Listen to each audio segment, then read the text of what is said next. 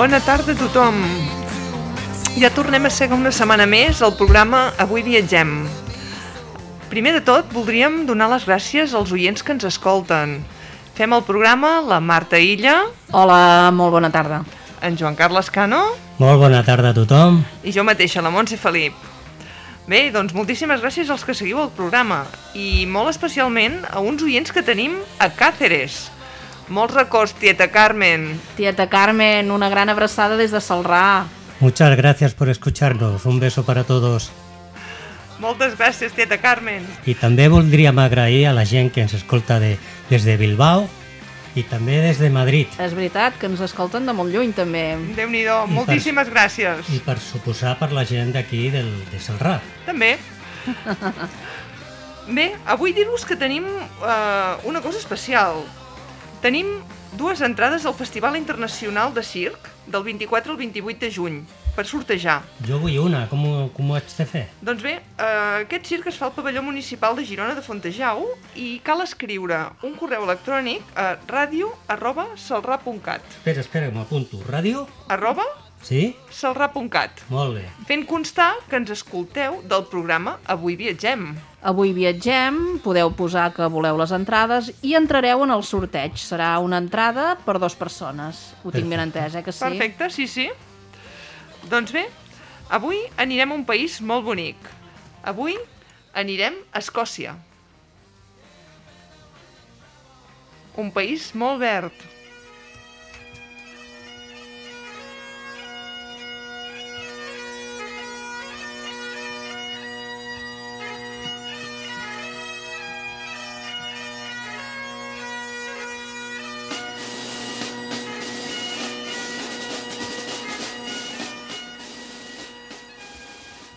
Escòcia, un país preciós, verd i amb moltíssima aigua.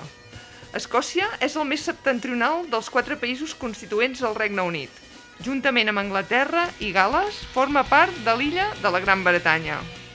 Té una població d'uns 5 milions i mig més o menys habitants. Igual les- que a Catalunya, que Sí, sí, bé, eh? ja hi tornem, igual que a Dinamarca.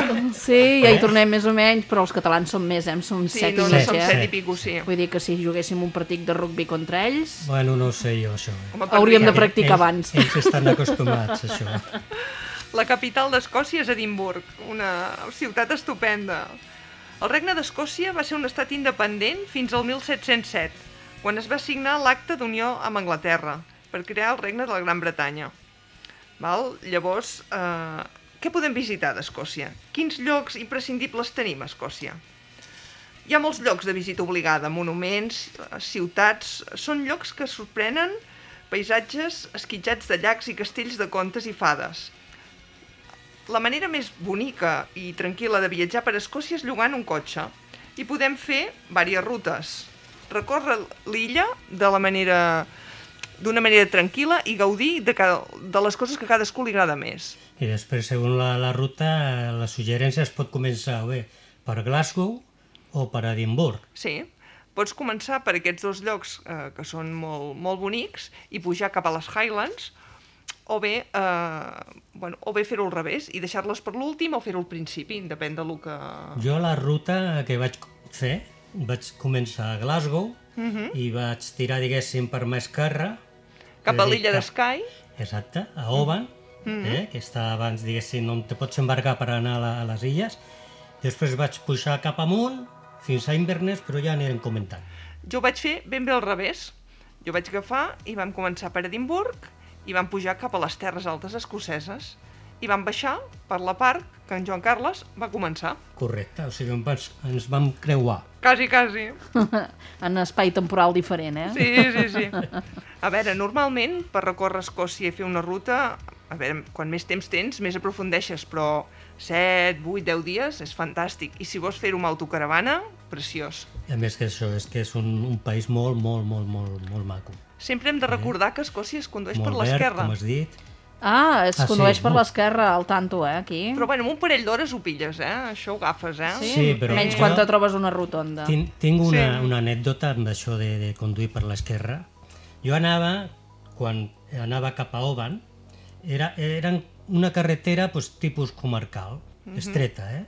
però imagineu una carretera d'aquestes estretes, conduint per l'esquerra, i de, i de tant en tant passava algun cotxe que altre, no n'hi no, no. no havia molt de trànsit.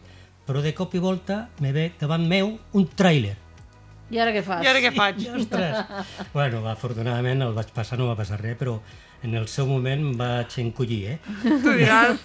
també, també diem que quan surts dels monuments principals, els castells, les grans ciutats, sempre hi ha un, un rètol enorme que recorda als turistes que han de conduir per l'esquerra, perquè si no la gent surt, s'ha relaxat mirant les pedres i els castells i va per la dreta. I va per I la llavors dreta. sempre hi ha un... T'ho recorden, eh? Vull dir, no els turistes, ja se'ns veu que fem cara de turistes i més anem tots allà mateix i t'ho diuen, Bueno, eh? també ho recorden per la gent del país, perquè si és un cartell que està allà posat, Bueno, allà, no, allà ells ho tenen per mà, tu, tu hi has de pensar. Jo hi havia de pensar que havíem de circular per l'esquerra. Clar, clar.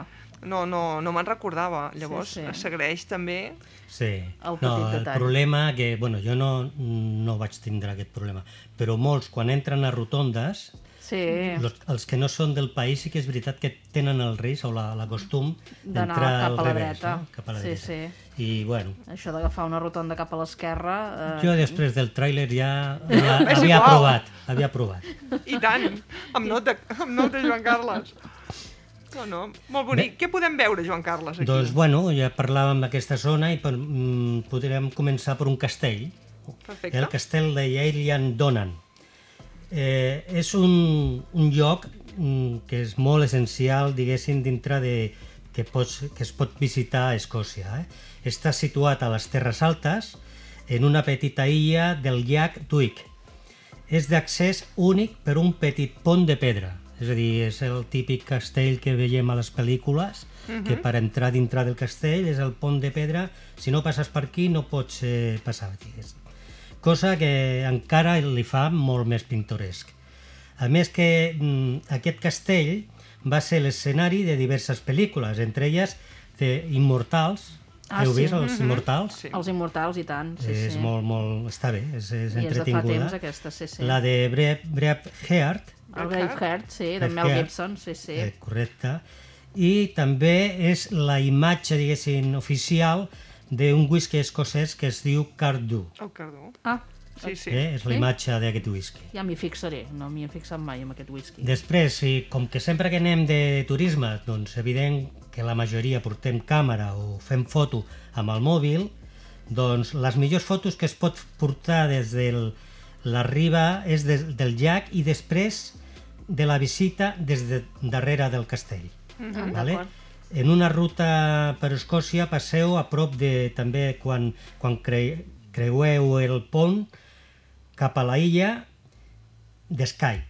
De manera que, que es pot eh, ser un moment per incloure dintre d'aquesta ruta. És molt Després- bonica l'illa d'Escai, eh? Sí, està molt bé. Després, mm, l'horari que, bueno, eh, aquests horaris que donem era abans de la pandèmia, evidentment segurament ha canviat, però que és de suposar que quan se normalitzi tot torni als horaris que eren, eh? Però els horaris de visita d'aquest castell eren de febrer a octubre des de les 10 del matí fins a les 6 de la tarda i des de l'octubre al, desembre des de les 10 fins a les 4. Eh? Clar, perquè I- deu, es deu fer fosc molt aviat. Clar, Llavors, entre la foscor, a- la fredor i l'humitat, potser... I després el gener està tancat. El gener tancat? Doncs El així és gener el gener res de res. Després us vull parlar del Nash Point, que és també eh, una fantàstica illa de Skye. Eh? És conegut com la fi del món escocès. És que és molt bonic, és solitari... Jo hi vaig anar i em vaig trobar només quatre cabres. I ovelles, només hi ha ovelles d'aquelles llanudes, però és molt bonic, molt bonic. És un lloc on es condueix, com ja sabem, esquivant ovelles, Sí, sí, esquivant ovelles, que tenen preferència total, i, eh? i molt ocasionalment algun Vas cotxe. trobant algú, però molt Descartem el tràiler Sí. i ocasionalment el cotxe. és una illa, això, solitària i, i també és molt difícil d'oblidar, com tu dius, eh? és molt maca. Arribant a Ness Point, es pot pujar a un petit turó i seure a la vora de- d'un penya-segat, mm, de, des d'on es pot gaudir d'unes vistes impressionants des de la llengua del mar que separa les illes hèbrides exteriors. Caram. O sigui, és, és, una vista pues, eh, molt, molt, molt maca. Bueno, i d'aquí ens podem parlar del llac Ness. Sí, el llac Ness, qui no, qui no l'ha sentit a parlar. El llac Ness és possiblement el lloc més famós d'Escòcia, gràcies a la, a la llegenda del monstre, de, de Nessie. Tot i que cal dir que no és exactament el més bonic, eh, és una de les visites que sí que s'ha de fer. Aquest llac profund d'aigües fosques es troba a les Terres Altes i es va fer famós el 1933 amb una fotografia d'un albirament del monstre, tot i que més tard es va demostrar que era falsa, eh, ha quedat la llegenda, el misteri... Aquests escocesos tenen, tenien Sí. vista comercial, eh? Sí, sí, No, no. I a més, el, el, aquí en el llac Ness estan, a part del llac, clar, no hi ha, només hi ha criatura, i han muntat com unes, eh, és horrorós, però bueno, unes botigues de souvenirs, sí. tots són botigues de souvenirs, I segur que te venen una figureta del de monstre. tot, de tot del Sí, monstre. a més, eh, jo me'n recordo perquè vaig comprar el Nessie, el tinc a casa, té, té, són una, unes figuretes com de ceràmica que està tallat. Representa, per exemple, el cap, Sí, després talla com si es, estés, estigués per dintre de l'aigua, Endinsat. que Ah. se'l poses a la... Ah, A la... Són tres peces, no, diguéssim? Quatre. Quatre, Quatre que si no em falla la memòria, quatre, sí. Que maco. Eh? És com si se ficara dintre de l'aigua, torna a sortir i així fins que fa, diguéssim, el, el monstre aquest, el dibuix. el dibuix. Sí, sí. I és maco. És maco, mira, és un record, eh? Sí. Vull dir que el monstre tothom l'hauria de tenir a casa per recordar una, una llegenda. El nostre lloc favorit del llac són les ruïnes del castell d'Urquart i és mm, els castells i restaurants que envolten el llac doncs, tenen el seu toc pintoresc. Si vas amb cotxe el pots visitar eh, còmodament des d'Edimburg i hi ha excursions que t'hi porten. També m'agradaria parlar-vos de Glen Cow. És uh, un dels paisatges um, que s'han de veure també d'Escòcia, és sorprenent. Està envoltat de grans muntanyes i és una vall glacial que també es troba a la zona de les Terres Altes, d'origen volcànic. Ha aparegut en pel·lícules com Skyfall, d'en James Bond, i a diverses pel·lícules de Harry Potter. I tot i que no només és eh, famós per això, sinó també per ser un dels millors llocs per practicar el senderisme i esports de muntanya. Eh, es pot recórrer mm, vinguent d'Oban, De Oban. Sí. Oban.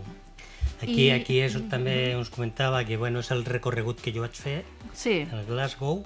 Vaig parar abans de Oban, sí, un petit eh, hotel rural, que diríem aquí. Sí, sí, perquè era, sí. era una casa amb 14 habitacions. Bueno, un bed and breakfast. Sí, sí. Exacte, un bed and breakfast. i també, si volies dinar Bueno, i clar, sopar. evidentment. Sí, El, el cas és que era un, un petit un petit hotel sí. que davant tenia un llac Ah, sí. preciós El que hem i comentat. darrere la muntanya. Això abans d'arribar a Oban. Eh, bueno, és el que diem, no? Els paisatges que trobem i bueno, vaig estar mm, bueno, en plena naturalesa, molt bé. Una habitació per mi solet, que era tan rural que no tenien pràcticament ni, ni, ni aigua calenta. No tenien aigua calenta? Com ho feies, doncs, per Doncs mira, Com te els pots imaginar. una mica de fregat Ràpid, I a més ràpid. era una, una banyera, me la vaig emplenar de, de glaçons? de, d'aigua amb, amb cubos, cubos d'aigua, i em vas Una palangana, una palangana. amb aigua freda. Què, què vols fer? Eh? No, no. Poca dutxa, poca dutxa jo faria. I, bueno, i aquest paisatge de que us deixen de, de, de petits estanys, de, de, de, de carreteres que creuen la vall, eh, us podeu aturar amb el cotxe i gaudir i fer fotografies amb, amb els cels eh, rogencs i si no voleu conduir doncs ho podeu reservar amb, amb un petit trajecte que recorri les Terres Altes a partir de- d'Edimburg, si voleu, eh, que us passejaran per Glencoe. Què més podem veure, Montse? Bé, jo voldria ressaltar Sant Andrews, que és un lloc molt i molt bonic d'Escòcia. És una, és una ciutat petitona i universitària. Vale? Hi, ha una, hi ha una catedral que, eh, i vas caminant entre unes ruïnes envoltades per tombes de d'edats diferents que transporten altres èpoques. És un molt i molt bonic, és molt i molt pintoresc. També tenim la torre de l'església de Sant Rul, amb unes vistes fantàstiques de la ciutat i el mar. Hi ha botigues, cafeteries, eh, mercats, mm, bueno, creperies, hi ha molt ambient estudiantil. Una de les coses més boniques que es pot veure és, eh, és visitar la platja de West Sands Beach, que recordeu la mítica escena de Carros de Foc, Ah, que es va filmar allà. Sí. Sí, sí. Tam també Sant Andrew és famós per, eh, per, per la famosa, o sigui, perquè és el bressol del golf. Ah, també, Del també, golf? també. Ah, mira. El golf. I després una de les coses que tenen eh, a Escòcia que hi heu d'anar és les destil·leries de whisky. Hi ha inclús unes rutes específiques de destil·leria en destil·leria. Jo no vaig fer això, però sí que vaig anar amb una. Escòcia és una terra de whisky i hi ha 108 destil·leries. Quantes? 108. 108. O sigui que te pots endur una ampolla de cada, impossible, no? No, no. Perquè Whisky, allí, whisky. Sí, sí, sí, de whisky, de whisky. Expliquen el procés d'elaboració del whisky de Malta i fan degustació. Una de les més típiques és la destil·leria de Glenfiddich, que és molt grossa, és de les més reconegudes i, bueno, fan un visites guiades de 10 a 5 de la tarda. Jo per això penso que val la pena buscar-ne una de més petita. Concretament, jo no recordo el nom, però era la, el, a la zona de Balmoral. Jo vaig estar en una destil·leria molt petitona, érem tres a la visita, més el guia, i al ser a la zona de Balmoral ens van comentar, em sembla que era el 10 de setembre, si no recordo malament, ens van comentar que el dia després, que era l'11, o, o si jo vaig anar el 9 era el 10, Sí. la reina d'Escòcia, la reina mare, que vivia allà al costat i nosaltres ni ho sabíem, anava a la distil·leria, la feia tancar per ella i escollia les barriques, ojo, no les ampolles, les barriques Per, per, la seu, tenia, per això se va comprar la casa al costat de la... pel, seu, pel seu consum propi. I ens Clar. va fer moltíssima gràcia, no? Anava, a Ella- triar, anava sí. a triar el consum de tot l'any o, o per tota la família? No ho sé, no us ho vam Home, preguntar el, tant. el color vermell que tenen no és del sol. Exacte. Ja s'ho dic jo. I després ens van fer la visita guiada i la degustació. A mi no m'agrada. Eh, Ni, però, bueno, Però aquest senyor s'ha ens va de fer tot una... s'ha de provar. I llavors ens va dir que un dels errors que cometem tots és posar gel al whisky, que això només es fa a les pel·lícules. Que Ah. si hem de posar alguna cosa, hi hem de posar aigua. Però gel, no. Mai. No, no ens du... Bueno, era pecat mortal per aquell home que ens ho explicava. Ah, carai. I bueno, va ser una cosa, pues, Per bé molt bonica. no? No sé, va dir que hi poséssim aigua. Però gel, però no, per, la, per trencar... Aigua ja seria igualí, no? Jo crec que era Sí, per sí. la temperatura. Ah, no es pot refredar, Ah, de ser a clar. temperatura No ambient, sé, la cosa. però- Molt bé. I ens va, ens va fer molta gràcia, perquè llavors vam atravessar tot per Balmoral i vam veure les típiques vaques aquelles de les banyes i, i, i que són tan llanudes i tan peludes. Vaques llanudes. Sí, sí, Mhm. que estaven pasturant allà tranquil·lament. No, no, molt bonic, va ser, va ser divertit. Doncs un altre castell que, que us vull comentar és el Dunotar, que també és un dels preferits per si aneu a Escòcia. Aquest castell medieval està situat a la costa est i et deixa sorprès per la seva ubicació, sobretot també per un penya-segat rocós que està sobre el mar. És un lloc perfecte per defensar-se dels atacs, amb les onades del mar del nord protegint-lo, i només és accessible per un estret camí mm, costerut. És a dir, si abans de l'altre castell entràvem per un petit pont de pedra, aquest és un petit Un camí que, que, que és a, a vora de la costa i només pot entrar per aquí. Vull dir, ja se les pensaven totes en l'època, no? I Per- si ha d'anar amb cotxe o a peu? Suposo que en cotxe hi haurà en un punt que has de deixar-lo al pàrquing. Clar que sí, perquè... O sigui, eh, però bueno, suposo que, que és un petit... Eh, suposo que fins a dalt de tot amb cotxe no pots. No. Mm? Després són, les ruïnes són del segle XIV i XV i van aparèixer a la pel·lícula Hamlet de Mel Gibson. Ah, Mm, Hamlet. Hamlet. Mhm. El Mel Gibson aquest de- de- d'Escòcia ha fet quasi tot, eh? Sí, Sí. Ha fet Sí, sí. el, El Braveheart, El El. Braveheart, el Hamlet... Hamlet i alguna més segur. Home, va, es va, devia deixar els cabells llargs i va aprofitar la vinentesa i n'havia anar fent una cosa i El una Hamlet altra. anava amb cabells llargs, No, no, és també. broma, Marta. és que ara no recordo, penso que anava amb cabells No curts, el recordo, no Hamlet. recordo. Sí, sí, sí. Després també, si visiteu, pues, podreu veure les restes que queda del palau, els estables, l'ermita Mm. i altres llocs tan impressionants com les vistes que tenen des d'ell, no? el, que hem, com- el que hem comentat. La millor foto i la més vista és abans d'arribar amb la perspectiva de les ruïnes del castell sobre el cim i el mar de fons seria la millor foto que podríem treure d'aquesta zona. Si no disposeu de cotxe, que per- comentava si podíem anar, organitzen excursions que es pot anar eh, des de, en autobús. Eh? Sí, sí, I sí. bueno, eh, després anem, us vull comentar la, la capella de Roslin.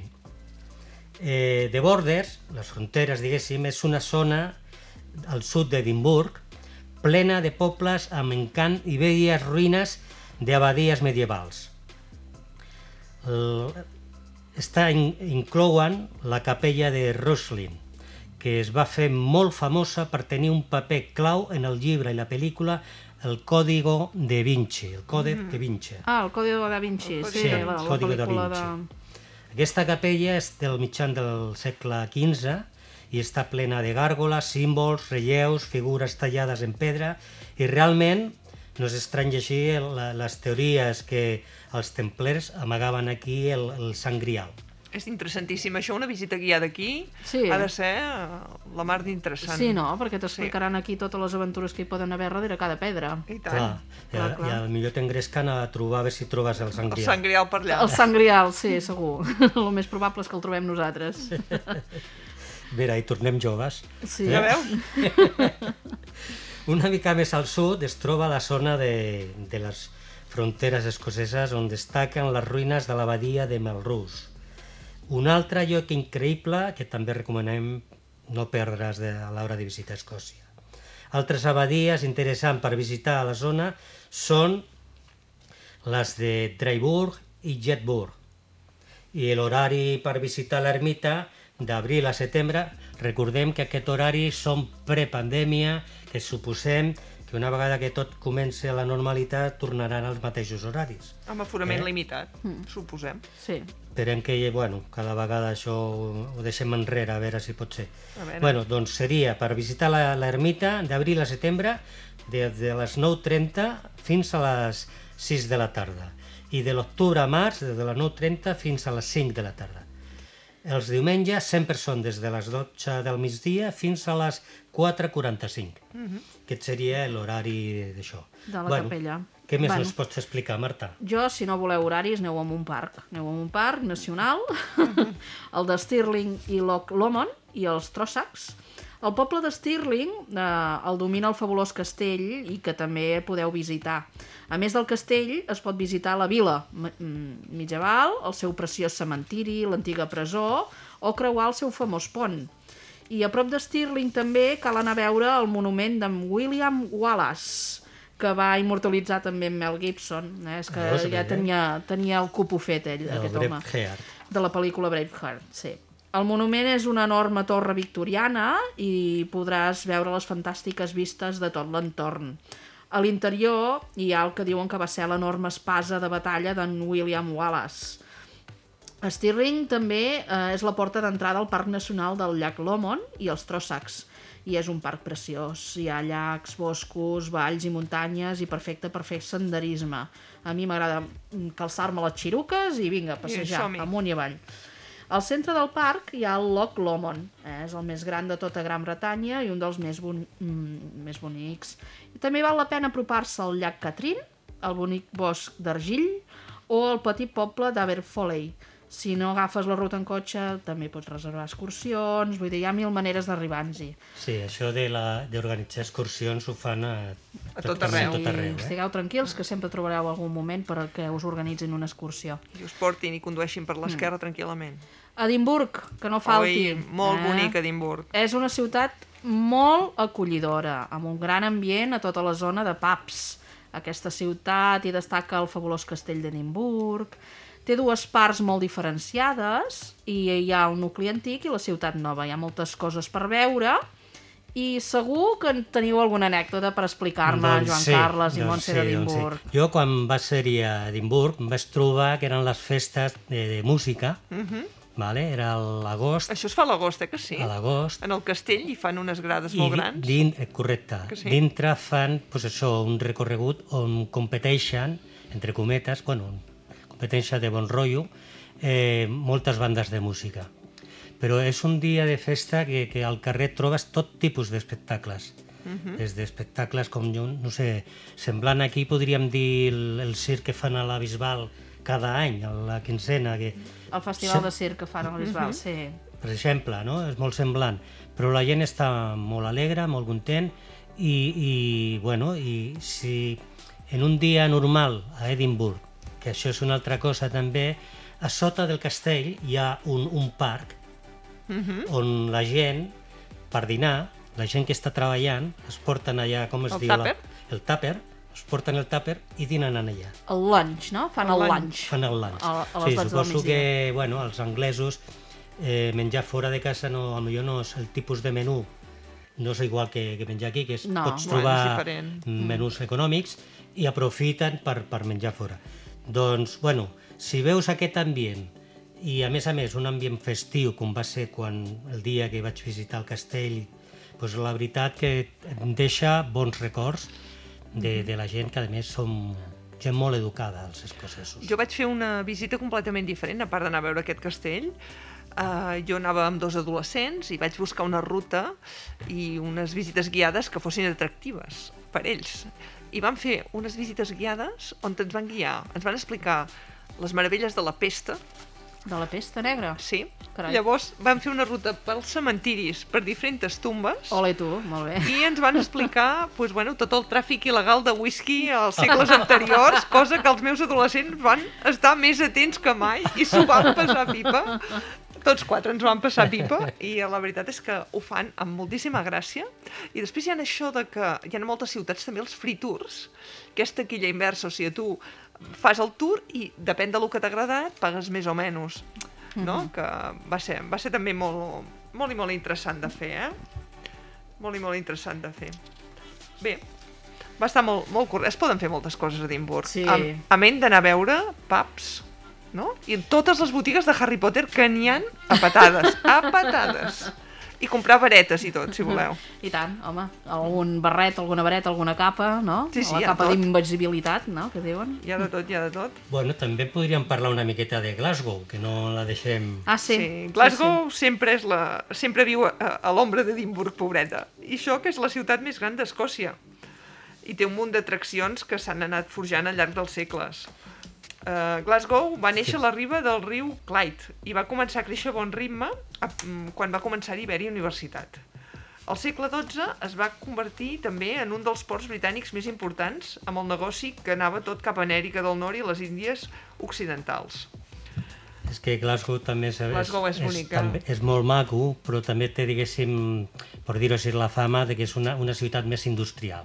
Sí, però es veu que li van fer obrera. un rentat de cara important, I la van gent- netejar, com Bilbao, que abans era molt gris Sí. i molt d'allò, i la van rentar ben bé pels turistes, doncs més Sí. o menys.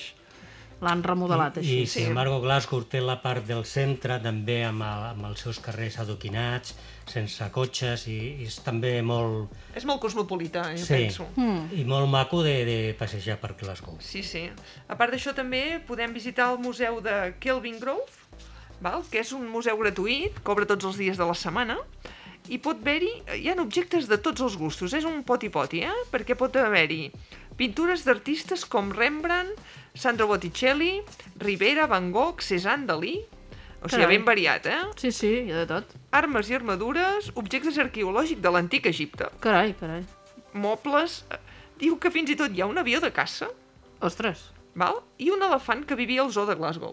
sí que ho han posat tot aquí, doncs, Eh, així. jo no per mi s'han que, no, deixat res. que ho van fer-ho i ho van unificar-ho tot aquí. O sigui, objectes per tots els gustos. Els gustos, Els gustos, sí, sí, sí. Eh? Bé, i... També podem veure el, el museu Riverside, eh? Que la estructura característica de, de l'edifici crida l'atenció mm, només quan, quan el veus. La, la façana sembla una ona en moviment. Ah, home, mira. Vull dir que ja només que el veus ja... Ja, ja o no, destaca, ja així. estàs... I després, eh, ja que parlaves també de tumbes i... pues, eh, tenim la, la necròpolis de Glasgow, que aquest cementiri eh, està situat en uns terrenys anomenats de, de Craig, caram. comprats per la Casa de Comerciants a Glas de Glasgow al 1650. Durant dos segles va ser un parc públic, fins que un membre de la Casa Mercant va visitar el cementeri parisenc de Pere Lachaise, no sé com es pronuncia, Lachoise, Sí? en francès, i es va convertir doncs, en, en un referent per a aquest senyor com a cementiri jardí. ¿vale? Aquí eh, el cementiri es va inaugurar el 1833 33, i té un caràcter multireligiós. De fet, aquí als cementiris, nosaltres hi anem molt poques vegades, però al nord d'Europa, Finlàndia, Suècia, tots aquests llocs, els cementiris és un lloc on s'hi passeja normalment el diumenge amb el cotxet dels nens. Sí, perquè Inclús és com brena, diferent, vull dir, és no? com un parc, és molt diferent, I eh? tenen com jardins, i Sí. tenen estàtues, és com diferent, sí que és Hi ha veritat. moltes més persones enterrades a terra, no, no, no les- l'estructura de ninxo que tenim aquí nosaltres, Clar, és diferent, eh? Clar, l'ambient que es respira és diferent que aquí, sí, sí. Mhm. Bueno, i també no podem deixar de veure la catedral de Glasgow, No, eh? que al costat d'aquesta necròpolis hi ha, eh, està la, la catedral. Eh? Està és construït entre els segles XIII i XV i està dedicat a Sant Mungo. Eh? I és el símbol més gran de l'arquitectura gòtica eclesiàstica d'Escòcia.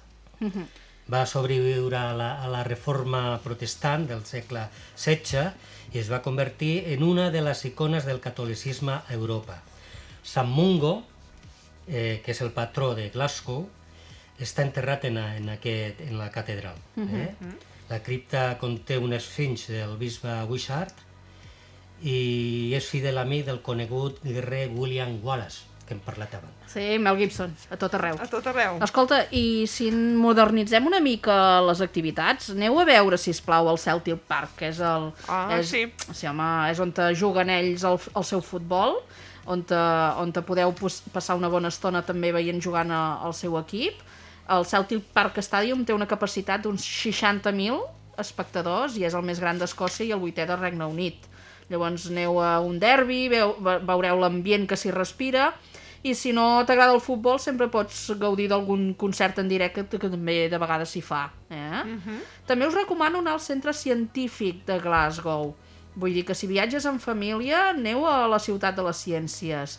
Hi ha el centre comercial de Cians Mal, la Torre de Glasgow i el cinema IMAX. Eh? Vull dir que també són activitats a fer més modernetes que pot es- interessar a la Si família. vas amb, amb canalles d'anar alternant una cosa i l'altra, si no s'avorriran, eh? Exacte. I llavors hi ha el Jardí Botànic també, eh? que aquest any se celebra l'aniversari 200, el que fa 200, eh, que es va crear aquest Jardí Botànic.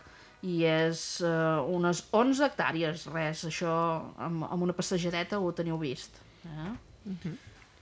Bé, i també tenim un... A Escòcia tenim molts events. A Escòcia els agrada la festa, els agrada ballar al ritme de tambors, la música, i si no, llancen troncs. O si no, degusten la, la gastronomia local. Tenen moltíssimes tradicions i una cultura molt i molt ampla. Esports que aixequen l'adrenalina o, i fan festes pels carrers eh, amb vestits elaborats. Ojo, que aquí tenim el kilt. Val? Ah, el sí? kilt són Ah, aquestes sí? faldilles que porten els senyors que la veritat és que els aporten amb una elegància impressionant, ja siguin prims, alts, baixos, panxuts o no panxuts. Jo vaig quedar molt parada, vaig veure senyors amb kilt, amb llocs eh, molt elegants, de corbata i kilt i americana, i vaig veure senyors a pa, amb pap, amb botes de muntanya i kilt, que dius, o sigui, jersei de llana, kilt de llana, botes gruixudes i mitjons fins als genolls. I pensava, Déu meu, i ho porten amb una elegància que nosaltres seríem incapaços, eh? Que va, nosaltres ens moriríem de vergonya i ens amagaríem a cada farola. Perquè també fan molts esdeveniments i festivals.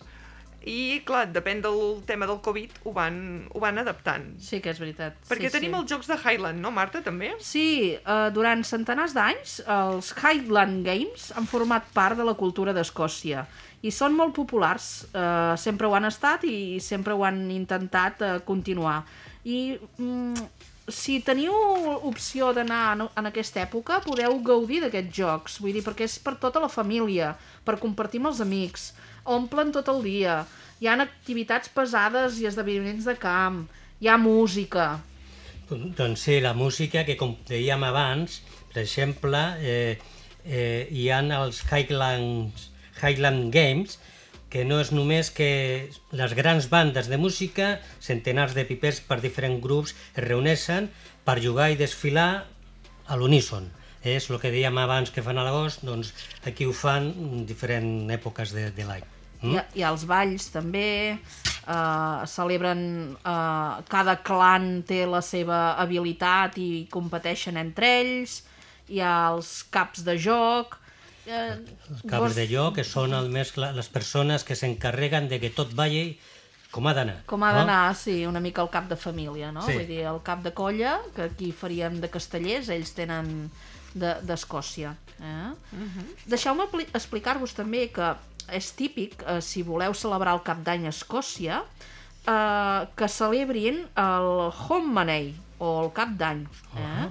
El Home eh, mm, no és res més que unes activitats que es fan eh, el 30 de desembre, que fan la desfilada de torxes, el 31 de desembre fan la festa de Homanay Street, que em penso que això um, celebraven a, a, a la festa a dintre del castell d'Edimburg, es balla tota la nit en el concert, en els jardins, fan entreteniments musicals, I focs artificials també, no? eh que sí? Uh -huh. I llavors quan toquen les campanes, de les 12 és quan fan els focs artificials. Just a les 12. I s'ha de veure, és espectacular. I l'1 de gener en diuen el Luneiduc. Uh -huh. O sigui, fan unes festes per celebrar ben bé el cap d'any. O sigui, podríem agafar un pack amb un avió i anar del, 20, del 30 de desembre al 2 de gener pràcticament i passar tot el cap d'any a, I a, veuríem- a Escòcia. Aquests dies, com es desenvolupen aquestes festes, i és eh, típic i, i, i maco de veure. Bueno, si us sembla, per acabar amb Escòcia, només un petit apunt d'Inverness. Uh -huh. Aquí anem a per una altra anècdota. Jo, eh, quan vaig, eh, diguéssim, de tornada per, per la part de dalt cap a baix, vaig parar un parell de dies a Inverness i eh, què em vaig trobant aquí? Em vaig passejant i em trobo un bar pub, sabeu que allà els bars són com pub, i, i veig la truita assassina. La truita La truita assassina. assassina. Dic, ostres, quin, quin d'això. Bueno, eh, la tortilla asesina. Eh, entro, digo, això ha de ser de algo de per aquí, de, del territori espanyol, no? I, i ne, entro a dintre, me atén un cambrer, em diu... Li parlo en anglès, però ell, ell se va donar compte de que jo era no català, perquè em va parlar en castellà, i, i em diu, si vol, a la barra l'entenderan en, en espanyol, me diu el, el noi d'allà. Dic, bueno, vaig a la barra, li dic, escolta'm, què me'n diu que tu és d'això? Que parles en castellà i me diu, si vols en català també. Dic, perfecte, perfecte. I, I, bueno, i em vam trobar allí a la barra, que n'hi havia aquest noi que era d'Olot, i al costat de la barra havia gent de València, de Barcelona, vam Caram. fer petar la xerrada amb gent d'aquí del país. Caram. Vinga, amb Molt això bonic. acabem... Amb Això, amb això acabem. Només un petit apunt. No marxeu d'Escòcia sense provar la seva gastronomia. Hi han coses boníssimes, però hi han coses que són realment eh, curioses per dir-ho suaument. Proveu el porridge, val? d'esmorzar, proveu els, habi, els haggis, que és la casqueria, molt típica. Val? Proveu eh, el fish and chips, Ah, fish and chips, el sí. fish and chip típic del país. I, eh, si podeu, allotgeu-vos amb un bed and breakfast. Você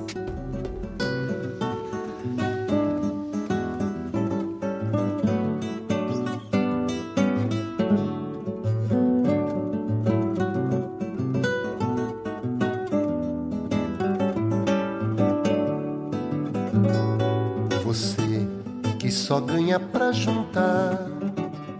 O que é que há? Diz pra mim o que é que há. Você.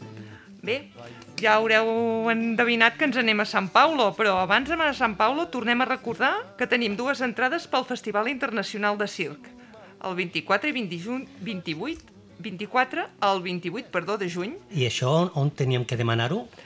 A veure, heu d'enviar un mail a radio arroba salrà.cat. I què hem de dir? Radio arroba salrà.cat. Heu de dir que heu escoltat això eh, al programa Avui viatgem. D'acord? Aquest eh, Festival Internacional de Circ es fa al pavelló municipal de Girona Fontejau. A veure si teniu sort. Vinga, envieu un mail, que no costa res. Vinga, molta sort a si tothom. no, enviaré jo quatre. No sé si està No sé si em. Exacte. No ho sé, no sé. La direcció. A veure, doncs Sant Paulo és la ciutat, és una ciutat del Brasil. La ciutat, una de les ciutats més grans del món, amb 20 milions d'habitants. Eh, para sí que ens hem sobrepassat Catalunya, eh? Sí, 20 ara aquí sí ja que sí, ja eh? no... El clima, els hiverns són És subtropicals. curiós, eh? Que n'hi ha ciutats que tenen més població que alguns països. Evidentment, evidentment. Sí, sí, aquí sí. Els hiverns subtropicals suaus i els estius moderadament calents. La moneda és el real i equival a 2,6... Perdó, un euro equival a 2,6 reals. Els bancs, això és una curiositat, estan agrupats. Quan un entra en una sucursal, tu no entres en una sucursal d'un sol banc, sinó que hi han tots els bancs. I no existeixen les transferències bancàries, el qual cosa fa que es generin unes cues impressionants i han d'anar atenent tota aquella gent perquè per fer una trista transferència que nosaltres faríem amb el mòbil, ells han d'anar al banc. Així res, millor portar targeta i efectiu. Ja veus. A veure, necessitem el passaport amb sis mesos de vigència, eh, bitllet d'anada i tornada i fer... Eh, ten... O sigui, sempre comproven que tinguis eh, solvència econòmica, 80 euros diaris. I el justificant d'allotjament. Hi ha països que per entrar es demana força sí, cosa, sí, eh? sí, sí. Bueno, és...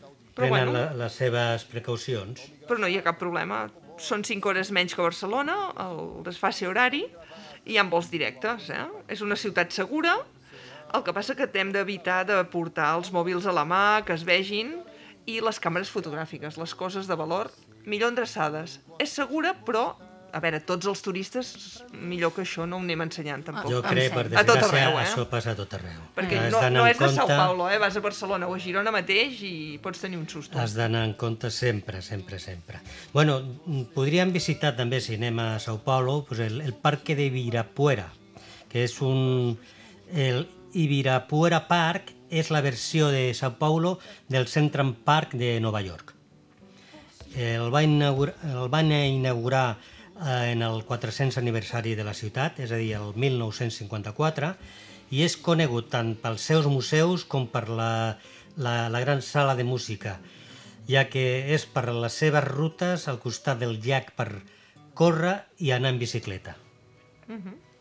Els edificis del parc van ser dissenyats mm, pel modernista Oscar Niemeyer, conegut per dissenyar els edificis públics de Brasília. Amb dos quilòmetres quadrats, Ibirapuera és el parc més gran del centre de Sao Paulo. Com és evident, no, no serà l'únic, eh? No, no és l'únic. I el segon més gran de la ciutat, dissenyat per l'arquitecte paisatgista Roberto Burle Marx. Hi ha 13 camps de lloc, i parcs infantils a la, eh, a la llespa. Eh? Eh, si aneu un diumenge al matí a fer un concert a l'aire lliure a la plaça de la Pau, si es pot anar. Un altre bon detall dels, dels diumenges és el box de leitura, una biblioteca de, la- de préstec Oh, xulo, això. a l'aire lliure, gratuïta.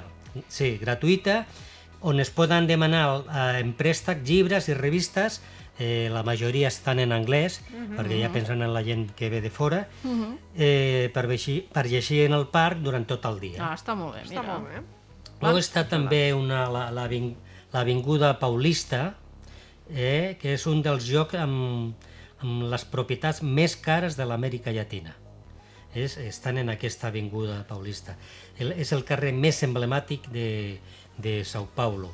El que va començar com un carrer residencial eh, ple de mansions neoclàssiques, els propietaris dels quals es dedicaven a, al cafè al segle XIX, en poc més d'un segle es va convertir en un barranc urbà de vidre i acer i un modern centre de negocis, cultura i entreteniment. Hi ha d'haver uns, uns canvis de, de gent, de- d'estatus social, ha de ser...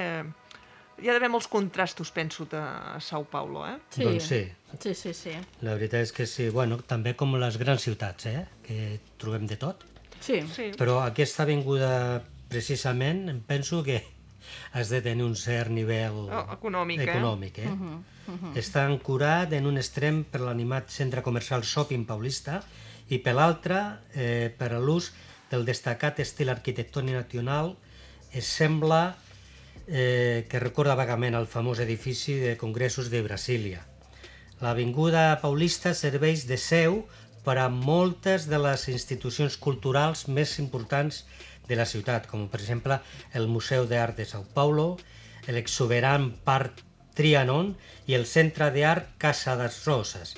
Eh, com ho parlo jo el brasilejo. Molt sí, bé. ja sembles de l'origen del país. Bu, També podem trobar el Teatre Municipal, que està situat al cim del centre de la vall de Nangambu, a Sao Paulo, com un pastís de noces de formigó. El Teatre Municipal és centenari i brilla com un exemple del lloc de, de la ciutat d'avantguarda de l'art de Llatinoamèrica.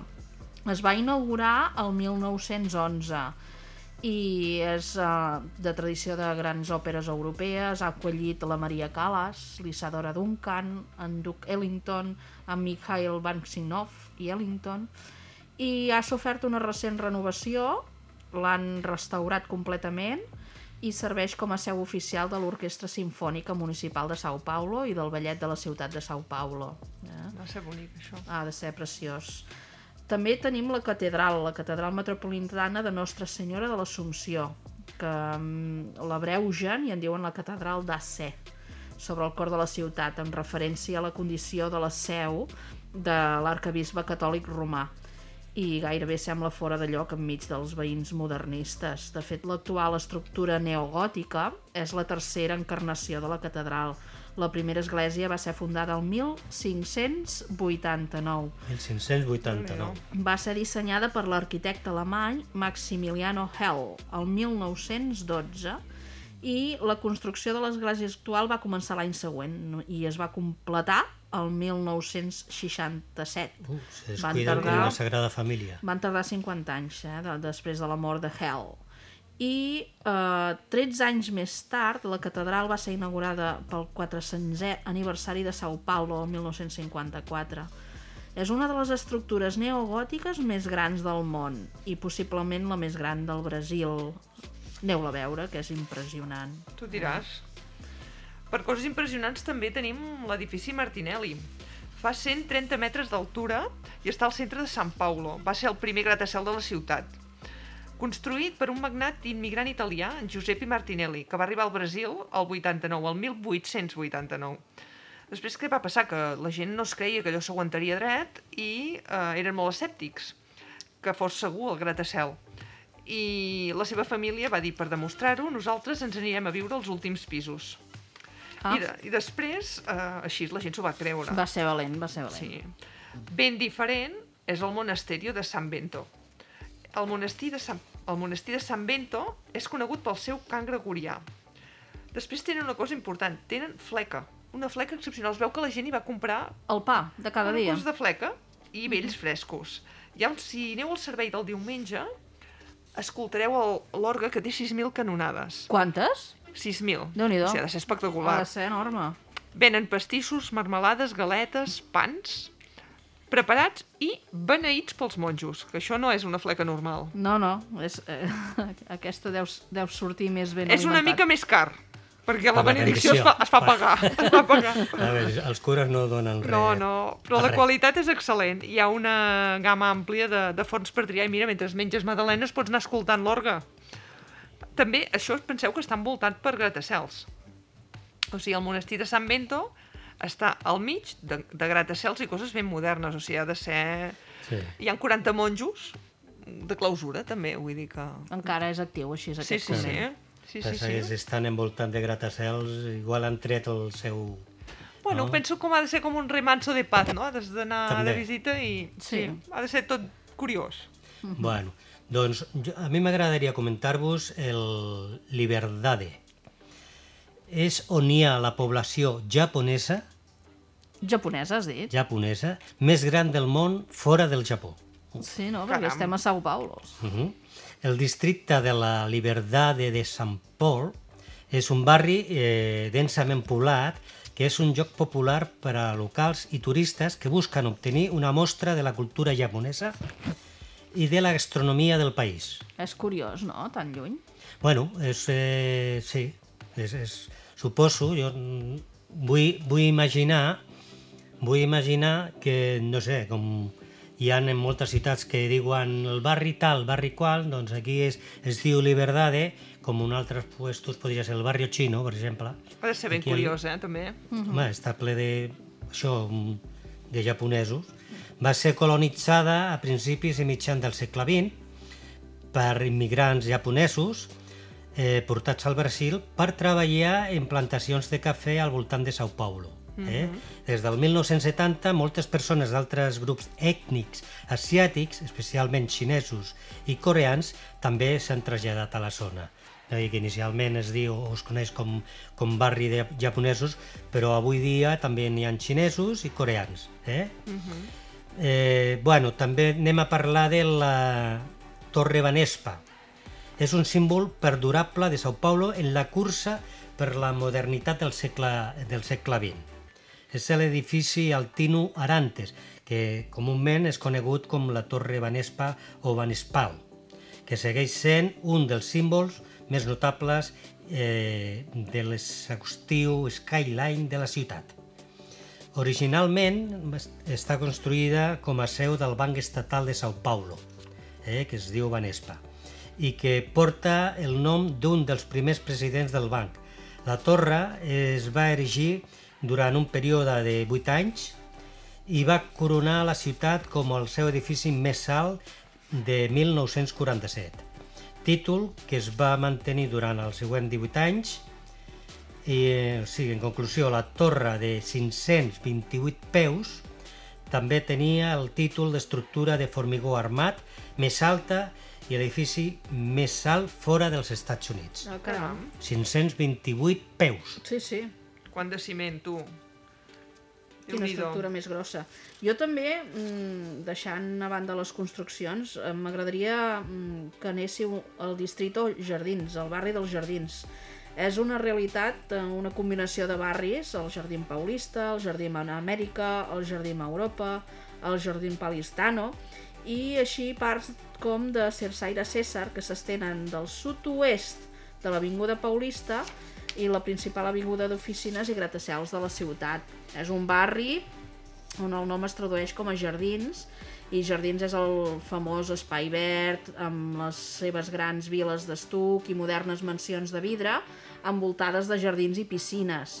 Jardins acull un centenar de bars, restaurants de luxe, entre ells el Dom, nomenat el setè millor restaurant del món per la guia Michelin. Caram. Uh, Rua Augusta en particular està ple d'hotels i restaurants de luxe i uh, Augusta es coneix també la Rua Oscar Freire trobaràs les botigues de marques de dissenyadors com Dior, Cavalli i Marc Jacobs um, no podem deixar de parlar d'una mica del Carnaval, el Carnaval de San Paulo, que és una millor de les Home. festes de Brasil. Conegudes a tot arreu. I tant. I quan es fa? Doncs eh, ara amb la Covid Quan han pugui, decidit quan puguin, ho faran quan han puguin. decidit fer-ho al juliol, uh, a veure si aquest mes de juliol del 2021 poden fer el seu carnaval i almenys veure una mica les desfilades de Sant Paulo més famoses i, i concorregudes de, del món de la, de, de, del, del carnaval.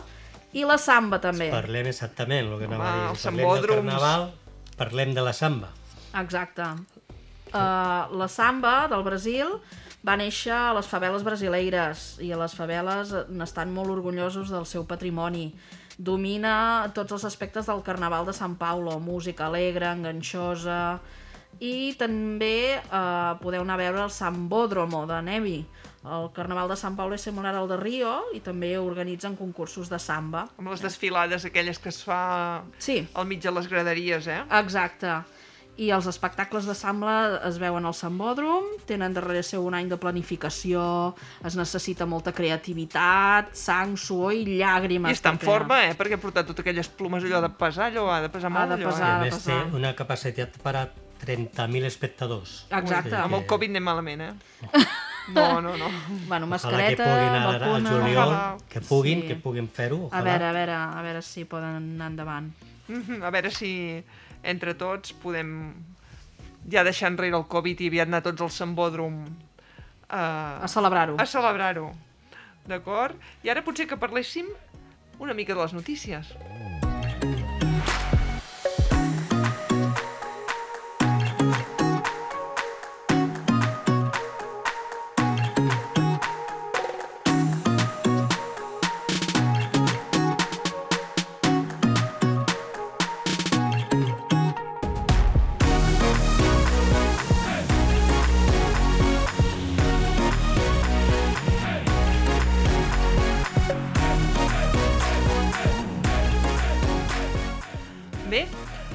apartat de notícies volem fer-ne ressò d'una que es diu Cantes, programa de boles a ninguna parte, val? per reactivar els, viatge, els viatges. És una notícia relacionada amb Austràlia, que ja potser és un- de fa uns dies, eh? perquè és del mes ja de març. porta uns mesos, eh? Uns mesos, uns mesos. Qantas ha programat vols misteriosos amb l'objectiu d'impulsar el turisme intern d'Austràlia i reactivar els viatges. És una aerolínia que, a veure, per no deixar els vols a terra, el que ha fet és que se, els, els fan a, a cap lloc. Despeguen i van a fer un vol i aterren al mateix aeroport que han, que han despegat, no? que, que, que s'han enlairat.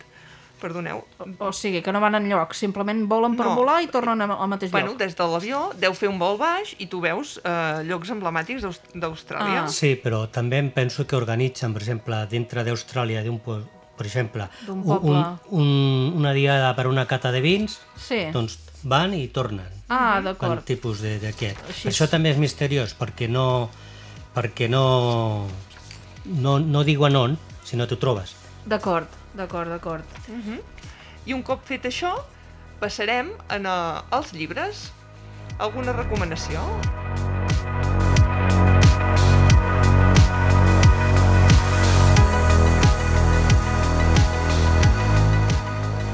Doncs, eh, si recordeu, el programa, l'últim programa vam, vam recomanar un llibre per anar en bicicleta fins a Pequín. Sí, Sí. Aquest és, eh, podem dir que és el gran bazar del ferrocarril. Caram. Vale?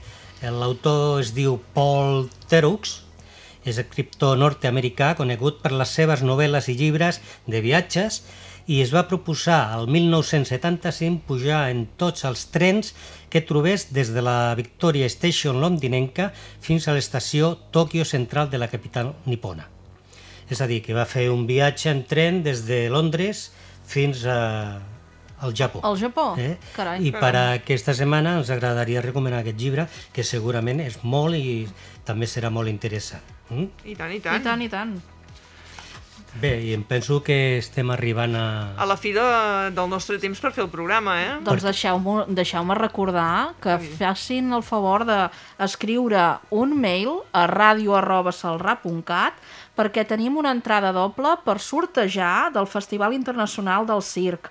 Uh, les dates són del 24 al 28 de juny, es farà aquí a Girona, al pavelló municipal, i volem que participeu. Escriviu-nos, sisplau, que volem saber de vosaltres i entrareu en el sorteig. Vinga, sí, a veure si teniu sort i aneu al circ. I a veure, Joan Carles, la setmana que ve, perdó, d'aquí 15 dies, cap on t'anirem?